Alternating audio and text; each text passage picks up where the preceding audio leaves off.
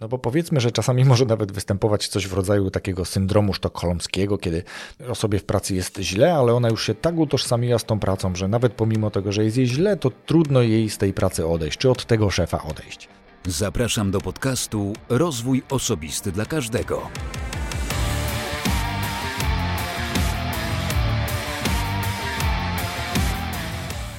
Cześć, ja nazywam się Wojtek Struzik a Ty będziesz słuchać właśnie 148 odcinka podcastu Rozwój Osobisty dla Każdego, który nagrywam dla wszystkich zainteresowanych świadomym i efektywnym rozwojem osobistym. W tym odcinku przybliżę Ci temat zmiany. Zmiany która wydaje się być za każdym razem straszna, ale o tym opowiem troszkę później, bo teraz przypomnę, że w 147 odcinku moim gościem był Rafał Kujawa, a z Rafałem, Rafim, rozmawiałem o sprzedaży na Instagramie, ale generalnie o budowaniu konta, o dobrych praktykach, no i paru innych tematach. Myślę, że to bardzo ciekawy, drugi chyba co do długości odcinek w tym podcaście. Całkiem dobrze się przyjął, więc jeśli jeszcze nie słuchałeś tego odcinka, to serdecznie do tego namawiam. A jeżeli interesuje Cię tworzenie, stworzenie czy rozwój swojego profilu na Instagramie, nawet jeżeli nie chcesz tego robić pod kątem sprzedaży, to mm, ja osobiście zapisałem się na szkolenie Rafała. E, szkolenie, które kosztowało mnie 7 zł, to szkolenie odbędzie się bodajże 2 listopada. E, ono dzisiaj już kosztuje 47 zł, ale na szczęście dla słuchaczy tego podcastu, e, jeżeli będziesz zainteresowany, oczywiście w koszyku u Rafała, a trafisz na tę stronę przez jego profil na Instagramie, to ja Rafi, tak się nazywa, to wpiszesz kod RODK i cena wróci do 7 zł. Więc jeśli chcesz, jeśli słuchasz tego odcinka przed 2 listopada, to może warto z tej okazji skorzystać. Ja, tak jak powiedziałem, nie wystarczyło mi to, co Rafał powiedział w tym odcinku. Byłem zainteresowany tym, co jeszcze mogę usłyszeć, a o co nawet być może nie potrafiłem zapytać. Stąd moja obecność na tym szkoleniu online. No dobrze. W tym miejscu pięknie dziękuję również patronom, bo październik okazał się miesiącem powrotów. Słuchajcie, w październiku wróciło bodajże pięcioro patronów, w tym patron numer jeden, czyli osoba, która jako pierwsza stała się patronem mojego podcastu. Na dzisiaj mam już, na, na dzisiaj, na dzień nagrywania tego odcinka, 35 patronów, którzy wspierają oba moje podcasty, czyli rozwój osobisty dla każdego i bajkowy podcast. Ja Wam bardzo, bardzo dziękuję. Trudno mi trochę też w to uwierzyć, ale no taka jest prawda. 35 patronów. Są patroni, którzy wolą być anonimowi, są patroni, którzy nie chcą, abym wymieniał ich z imienia, ale jeżeli chcesz zobaczyć, kto jest patronem, to zapraszam Cię, bo w opisie każdego odcinka podcastu na stronie Rozwój Osobisty dla każdego oczywiście wymieniam patronów z imienia, a większość imion również e, linkuje albo do strony takiego patrona, albo do jego profilu na LinkedInie na przykład, albo do wskazanej fundacji, bo kilku patronów wybrało taką opcję linkowania. Więc no fantastyczna sprawa i ja bardzo, bardzo, bardzo dziękuję. A jeśli ty chcesz dołączyć do grona patronów, to serdecznie zapraszam na stronę patronite.pl, czyli patronite.pl łamane przez RODK. Tam znajdziesz zdefiniowane przeze mnie progi wsparcia. Jeśli któryś Ci odpowiada i chcesz wesprzeć te projekty, to serdecznie do tego namawiam i oczywiście z góry za to dziękuję.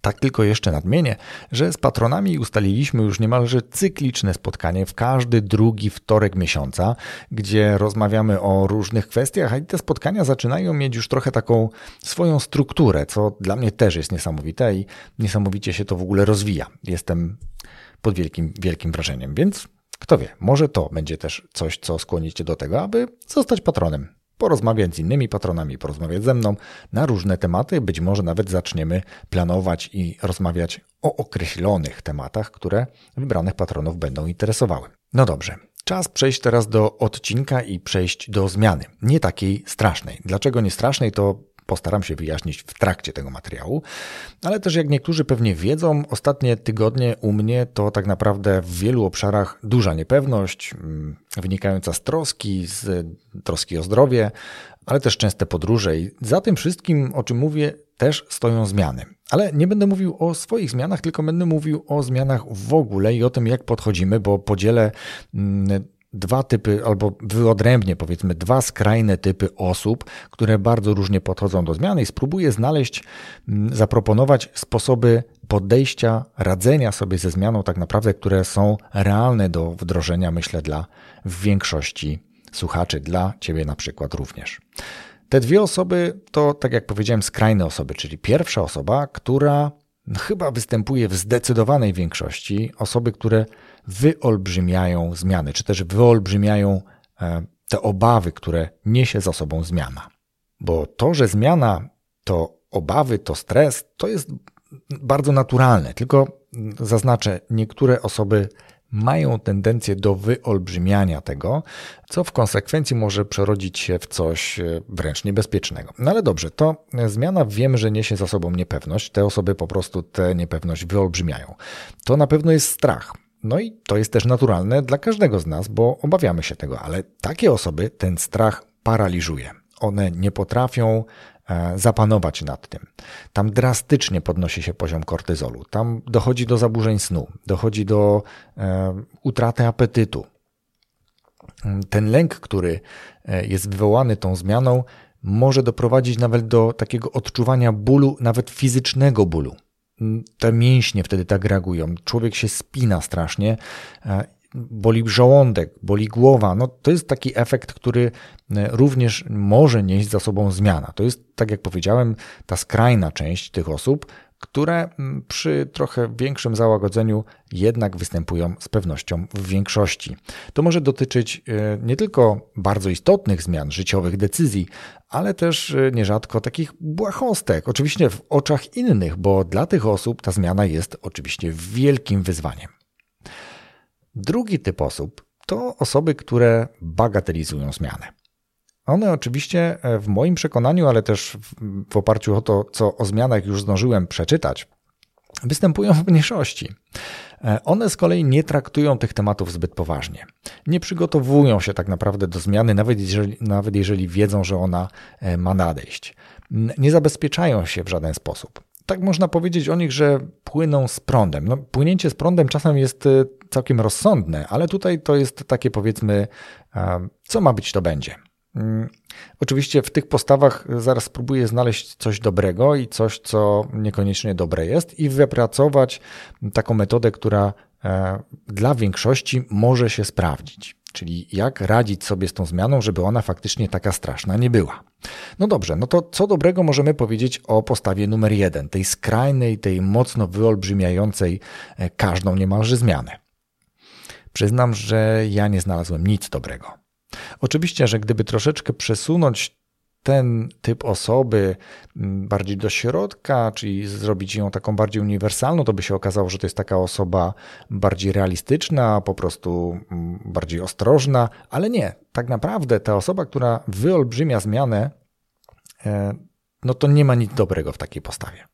Zupełnie nic. Tak jak powiedziałem, tam e, takie podejście do zmiany niesie za sobą wiele negatywnych konsekwencji, które mm, przy takim długotrwałym utrzymywaniu się takich obaw, takich lęków przed zmianą, przed zmianami w ogóle, bo takie osoby każdą zmianę niemalże widzą jako katastrofę, no to nie ma nic dobrego.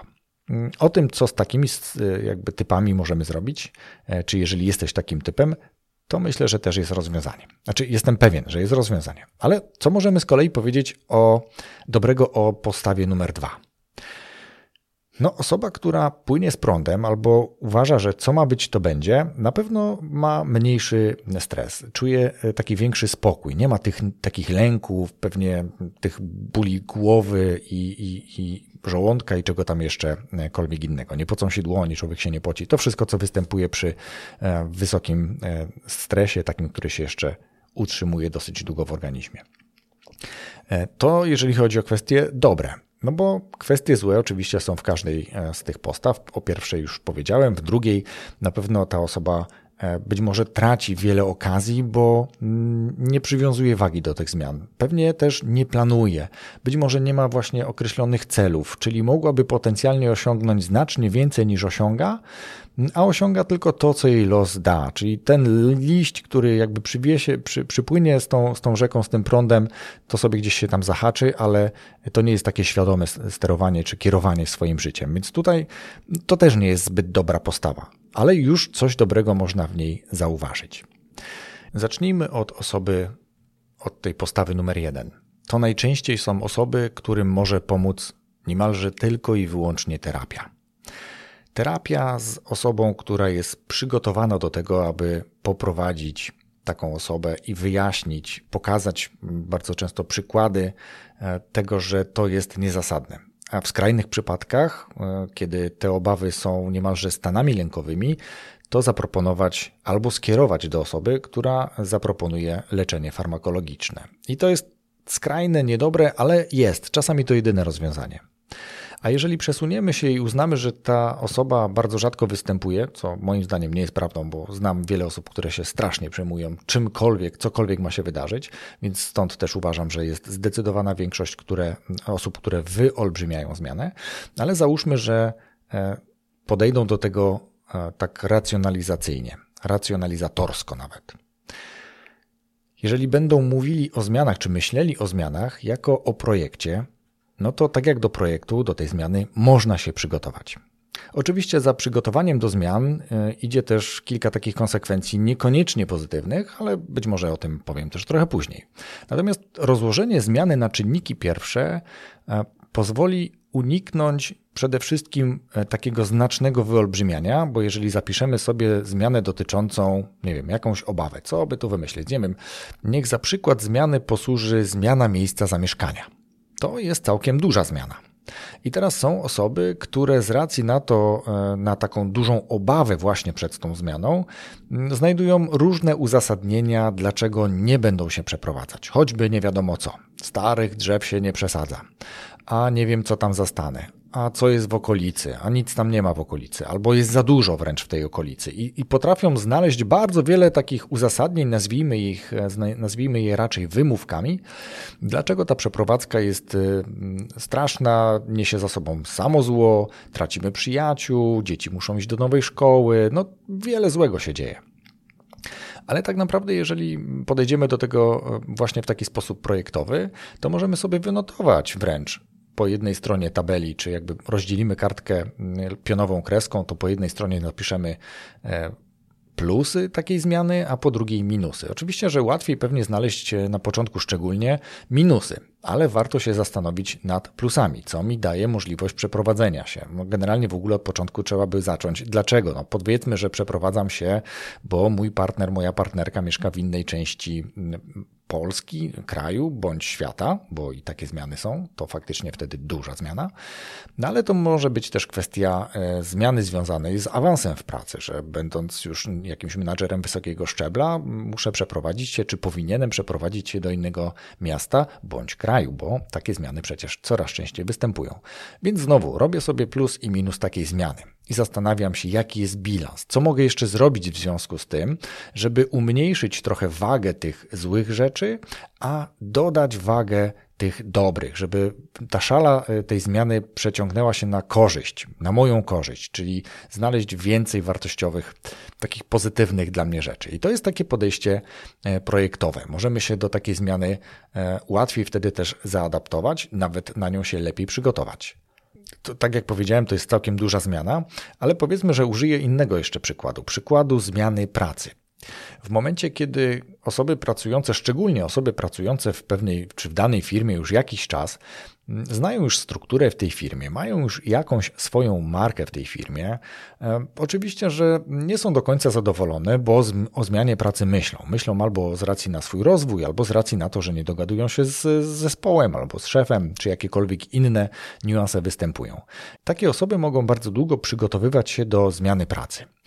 I one będą podchodziły do tego w taki sposób, że hmm, no jeszcze nie muszę zmieniać, bo tutaj się źle nie dzieje tak bardzo więc to się znowu odroczy na za jakiś czas. A to jeszcze zaczekam do kolejnego tam za pół roku, bo, bo wypłacają wtedy premię. Albo jest jakaś ocena i może będzie szansa na awans. Albo i zawsze jest coś, a jeszcze zaczekam, jeszcze zaczekam, jeszcze zaczekam, a już na pewno za rok odejdę.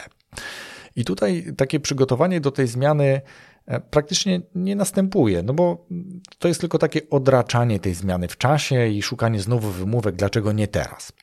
Jeżeli w przypadku zmiany pracy znowu podejdę projektowo do tego i rozpiszę sobie plusy i minusy zmiany e, pracy na inną, no to też mogę znaleźć to coś, co przekona mnie albo do tego, żeby znaleźć szybciej inną pracę, albo do tego, żeby w tej firmie pozostać i być może poszukać jakichś czynników, które spowodują, e, że ta praca będzie dla mnie bardziej atrakcyjna. Czyli na przykład będę robić e, inne rzeczy, albo przejdę do innego działu, albo będę się rozwijać w strukturach takich czy innych w tej firmie. Więc tutaj jakby tych czynników też może być więcej. No bo powiedzmy, że czasami może nawet występować coś w rodzaju takiego syndromu sztokholmskiego, kiedy osoba w pracy, y, osobie w pracy jest źle, ale ona już się tak utożsamiła z tą pracą, że nawet pomimo tego, że jest jej źle, to trudno jej z tej pracy odejść, czy od tego szefa odejść. I ona się tak bije sama ze sobą w myślach, odejść, nie odejść, męczy się, stresuje się pracą, boi się przyjść do pracy w poniedziałek, ale mimo wszystko nic nie robi z tym, żeby tę pracę zmienić. To jest bardzo częsty, szczególnie w dużych korporacjach, u osób, które pracują już kilka lat w takich firmach, to jest bardzo częsty obraz. Taka sytuacja po prostu występuje. Dość typowa. I teraz y, ta osoba męczy się nie tylko e, męcząc się w pracy, ale męczy się z podjęciem decyzji, co dodatkowo jeszcze uwypukla wszystkie te negatywne czynniki, zwiększa dodatkowy poziom stresu, bo już nie martwię się tylko pracą, tylko martwię się jeszcze tym, a co będzie, jak ja tą pracę zmienię. A, a co będzie gorszego jeszcze w nowej pracy, albo może sobie pogorszę, spadnę, e, jakby wpadnę z deszczu pod rynnę. No tych czynników u takich osób będzie na pewno dużo. A teraz zobaczmy taka sytuacja. Nagła ta osoba traci pracę.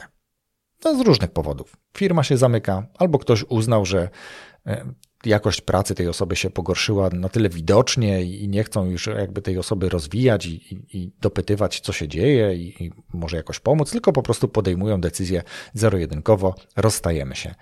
I zobaczcie, jak skraca się cały ten proces związany z, ze zmianą. Nie ma już wtedy tego lęku a, związanego ze znalezieniem nowej pracy, jest oczywiście na początku na pewno taki lęk związany z tym, że nie mam pracy i co dalej. Natomiast znowu, tu trzeba podejść wtedy i ta obawa przed zmianą pracy musi się zmienić w proces przygotowania do znalezienia nowej pracy. Jakkolwiek to brzmi, no to odpada nam część stresu związana z tym, czy zmienić pracę, czy nie, bo tę decyzję już ktoś, ktoś za nas podjął. Tylko musimy podejść projektowo do tej zmiany. Ale podchodzenie właśnie w taki projektowy sposób do każdej zmiany e, jest czymś, co pozwoli znaleźć, a nawet czasem trochę zmanipulować te wyniki tych za i przeciw, po to, żeby te zmiany, e, czy negatywne, negatywne czynniki tej zmiany umniejszyć, a pozytywne zwiększyć, żeby lepiej do tej zmiany podejść. Ale tak naprawdę bardzo często można próbować samemu sobie zadać pytania, szczególnie jeżeli ta zmiana niesie za sobą jakieś czynniki negatywne. E, można sobie samemu spróbować zadać takie pytanie. Oczywiście jest e, zasada pięć razy dlaczego i myślę, że ona się tu też może sprawdzić. No, zresztą to, co napisałem sobie tutaj w notatkach jest bardzo, bardzo zbliżone do tego, tylko inna, inaczej trochę brzmi pytanie. Bo jeżeli będziemy mówili dlaczego, to możemy sobie zadać pierwsze pytanie, dlaczego ta zmiana? E, dlaczego obawiam się tej zmiany? I to dlaczego aż do tych pięciu, a nawet czasem więcej sobie pytać, co w związku z tymi odpowiedziami, które sobie udzielamy. Ja z kolei zapisałem sobie w notatkach odpowiedź albo pytanie tak naprawdę, co w związku z tym? Co w związku z tą zmianą? Albo możemy pójść dalej. Co w związku z tą zmianą stanie się złego? No i tutaj, jeżeli będziemy mówili o pracy na przykład, no to możemy sobie powiedzieć, co stanie się złego. Hmm, no nie będę zadowolona z nowej pracy. No to co w związku z tym, że nie będziesz zadowolona z nowej pracy? no będę się źle czuć w tej pracy. No to co w związku z tym, że będziesz się źle czuć w tej pracy? No, będę się nie rozwijać, albo nie będę się rozwijać, albo będę e, gorsz, gorzej świadczyć tę pracę. No to co w związku z tym, że nie będziesz się rozwijać, albo co w związku z tym, że będziesz gorzej świadczyć tę pracę? No, załóżmy, że dochodzimy już do takiego momentu, no będę musiała, czy musiał pomyśleć o e, ponownej zmianie pracy. No, Znowu pytanie, co w związku z tym stanie się złego, że musisz pomyśleć o zmianie pracy? No bo tu znowu i tak dalej, i tak dalej. Więc jakby tych pytań można sobie zadać, bo te, te pytania czasami mogą wręcz doprowadzić do, do czegoś takiego um, inaczej. Stracę pracę. Co w związku z tym? No, nie będę mieć pieniędzy na życie. A co w związku z tym, że nie będziesz mieć pieniędzy na życie? No, pogorszy się jakość mojego życia, nie będę mógł sobie pozwolić na to czy na tamto. No, co w związku z tym, że nie będziesz mógł sobie na to pozwolić, się stanie? No, nie będę wychodzić, z, nie wiem, ze znajomymi do pi na, na piwo co piątek albo coś w tym rodzaju, tak? W zależności od tego, co tam sobie w życiu robicie. I tych pytań można sobie zadawać tak, tak wiele, że się okaże, że nagle ta zmiana, co do której przypisywaliśmy nie wiadomo jak wielką wagę, będzie naprawdę bardzo małą zmianą i w trakcie odpowiadania na te pytania, co w związku z tym stanie się złego, pojawi się wiele odpowiedzi. Mało tego, można próbować sobie przekładać te pytania, co w związku z tym stanie się dobrego. No bo teraz, jeżeli ktoś straci pracę, to można zapytać go od strony pozytywnej. Co w związku z tym, że straciłeś pracę, stanie się dobrego? Hmm, no mogę znaleźć pracę, pracę, która okaże się lepsza. No, co w związku z tym stanie się dobrego, skoro znajdziesz, czy jak już znajdziesz lepszą pracę? No, mogę mieć lepsze wynagrodzenie, albo pracować bliżej domu, albo nie wiem, dostać samochód służbowy, albo cokolwiek takiego. No i tylko, że pytanie o to, co stanie się dobrego, nie jest do końca rozwojowe. Na pewno w przypadku zmiany e, pytanie o to, co stanie się złego, uświadomi nam, że nic złego się nie stanie. Nic takiego, z czym byśmy sobie nie poradzili. I to jest trochę właśnie o tym, żeby spróbować znaleźć w sobie odpowiedzi na pytania, które pokażą, że ta zmiana nie jest straszna. Zmiana jest naturalną częścią naszego życia. Wielokrotnie w ciągu dnia przeżywamy zmiany, różne zmiany. Od najmniejszej zmiany, chociażby teraz, wychodząc rano musimy się trochę bardziej ubrać, a w ciągu dnia pogoda się zmienia, więc zmienia się i nasza ciepłota. Ściągamy to, co włożyliśmy, ściągamy kurtkę, sweter, zostajemy w samej koszuli później wychodząc pewnie musimy znowu się ubrać. To są takie prozaiczne zmiany. Zmienił, zmienił się e, termin spotkania, zmieniła się, zmienił się termin wizyty u lekarza, e, zmieniły się ceny chleba, zmieniły się ceny benzyny, zmieniły się ceny wielu innych produktów. Wiele rzeczy ciągle się zmienia. Oczywiście faktycznie wiele zmian nie niesie za sobą nic złego, no ale pytanie znowu, co w związku z tym, że dla mnie coś się zadziało, że, że zmieniła się cena benzyny. No będę musiał y, rzadziej jeździć albo więcej wydam na benzynę i będę musiał rezygnować z tego czy tamtego. No tak, no ale co mogę zrobić w związku z tym, żeby się działo tak czy inaczej? Te pytania, które sobie zadajemy, bardzo często trudne, są właśnie takim też sposobem, nie tylko w przypadku zmiany, ale w wielu innych naszych, na przykład e, w procesie podejmowania decyzji, również warto zadawać sobie pytania. Pierwszym pytaniem w ogóle w przypadku podejmowania decyzji, szczególnie zakupowych, jest, czy ja naprawdę tego potrzebuję. Albo zrobić sobie, o czym już nieraz pewnie mówiłem, e, test e, miesiąca, czyli nie kupuję tego i sprawdzam, ile przez najbliższy miesiąc będzie takich sytuacji, gdzie uznam, że kurczę, gdybym to miał, to byłoby lepiej, szybciej, taniej, lepiej, fajniej, cokolwiek, jak tak się, się wydarzy. A jeżeli te pytania czy jakby takie sytuacje nie powstaną, no to się być może okazać, że zaoszczędziłem wydanie jakiejś sumy pieniędzy na coś, co wydawało mi się w danym momencie potrzebne, a później okazało się, czy okazałoby się zbyteczne. Bardzo często takie decyzje przecież są podejmowane pod wpływem impulsu, e, jakichś właśnie emocji, reklamy. E, u kogoś widziałem, podoba mi się. Natomiast czy ja będę z tego korzystać, to się później okazuje. No właśnie, i to też są, e, to też są zmiany, więc pamiętaj, zmiana nie jest taka zła, na jaką być może ci się wydaje. Zadaj sobie kilka pytań albo porozmawiaj z kimś o tym. A w przypadku, kiedy obserwujesz u siebie takie częstsze podejście, mm, nazwijmy je negatywne do zmiany, czyli takie właśnie wyolbrzymianie tego, co zmiana może złego przynieść, to spróbuj porozmawiać z terapeutą. Nie obawiaj się wizyty e, u terapeutu, psychoterapeuty. Jeżeli osoba nie poradzi sobie z Twoim e, lękiem, to skierujecie do psychiatry, który pomoże Ci farmakologicznie i to też nie jest nic złego, bo już coraz więcej osób, tak naprawdę również w moim otoczeniu, otwarcie mówi o tym, że korzysta z terapii. Korzysta z terapii i docenia to, co terapia wnosi. Jest mniejszy stres, jest większa świadomość. Czasem są do tego jakieś farmakologiczne e, środki, czasem nie. Czasem wystarczy zastosować pewne e, sugestie, pewne dobre praktyki związane z dbaniem o siebie, z dbaniem o swoją kondycję fizyczną i psychiczną również. To jest kwestia diety, spacerów, etc. W moich podcastach jest tego całkiem sporo, te tematy się przenikają, ale w kontekście zmiany również. Kartka papieru, kreska pionowa, dobre, złe, co mi to daje, co mogę jeszcze spróbować zrobić, jeżeli wyczerpie mi się temat e, dobrych, a lista długich, e, lista złych będzie dalej rosła. Może warto e, z kimś o tym porozmawiać, zrobić burzę mózgów. Niekoniecznie musi to być mastermind, bo to bardziej w kontekście biznesowym albo rozwojowym, ale jeżeli chodzi o obawę o zmiany w procesie, chociaż jeżeli to jest taka stała obawa niemalże, to nawet myślę, że mastermind byłby w stanie tutaj pomóc. Ale myślę, że jesteś też w stanie sam sobie czy sama sobie pomóc z tym, stosując bardzo proste zabiegi. Zadawanie pytań, co złego stanie się w związku z tym, albo rozbicie na dobre i złe strony wynikające z tej zmiany, o której myślę, że będzie. E, warto się też z tym przespać i następnego dnia popatrzeć na tę kartkę, czy te złe rzeczy następnego dnia wydadzą nam się tak samo złe, bo bardzo często też okazuje się, że następnego dnia te zmiany, które dzień wcześniej, tudzież wieczorem wcześniej, pod wpływem takich właśnie silnych emocji, które dotyczyły tej zmiany, następnego dnia rano okazują się no, troszkę już nie takie poważne.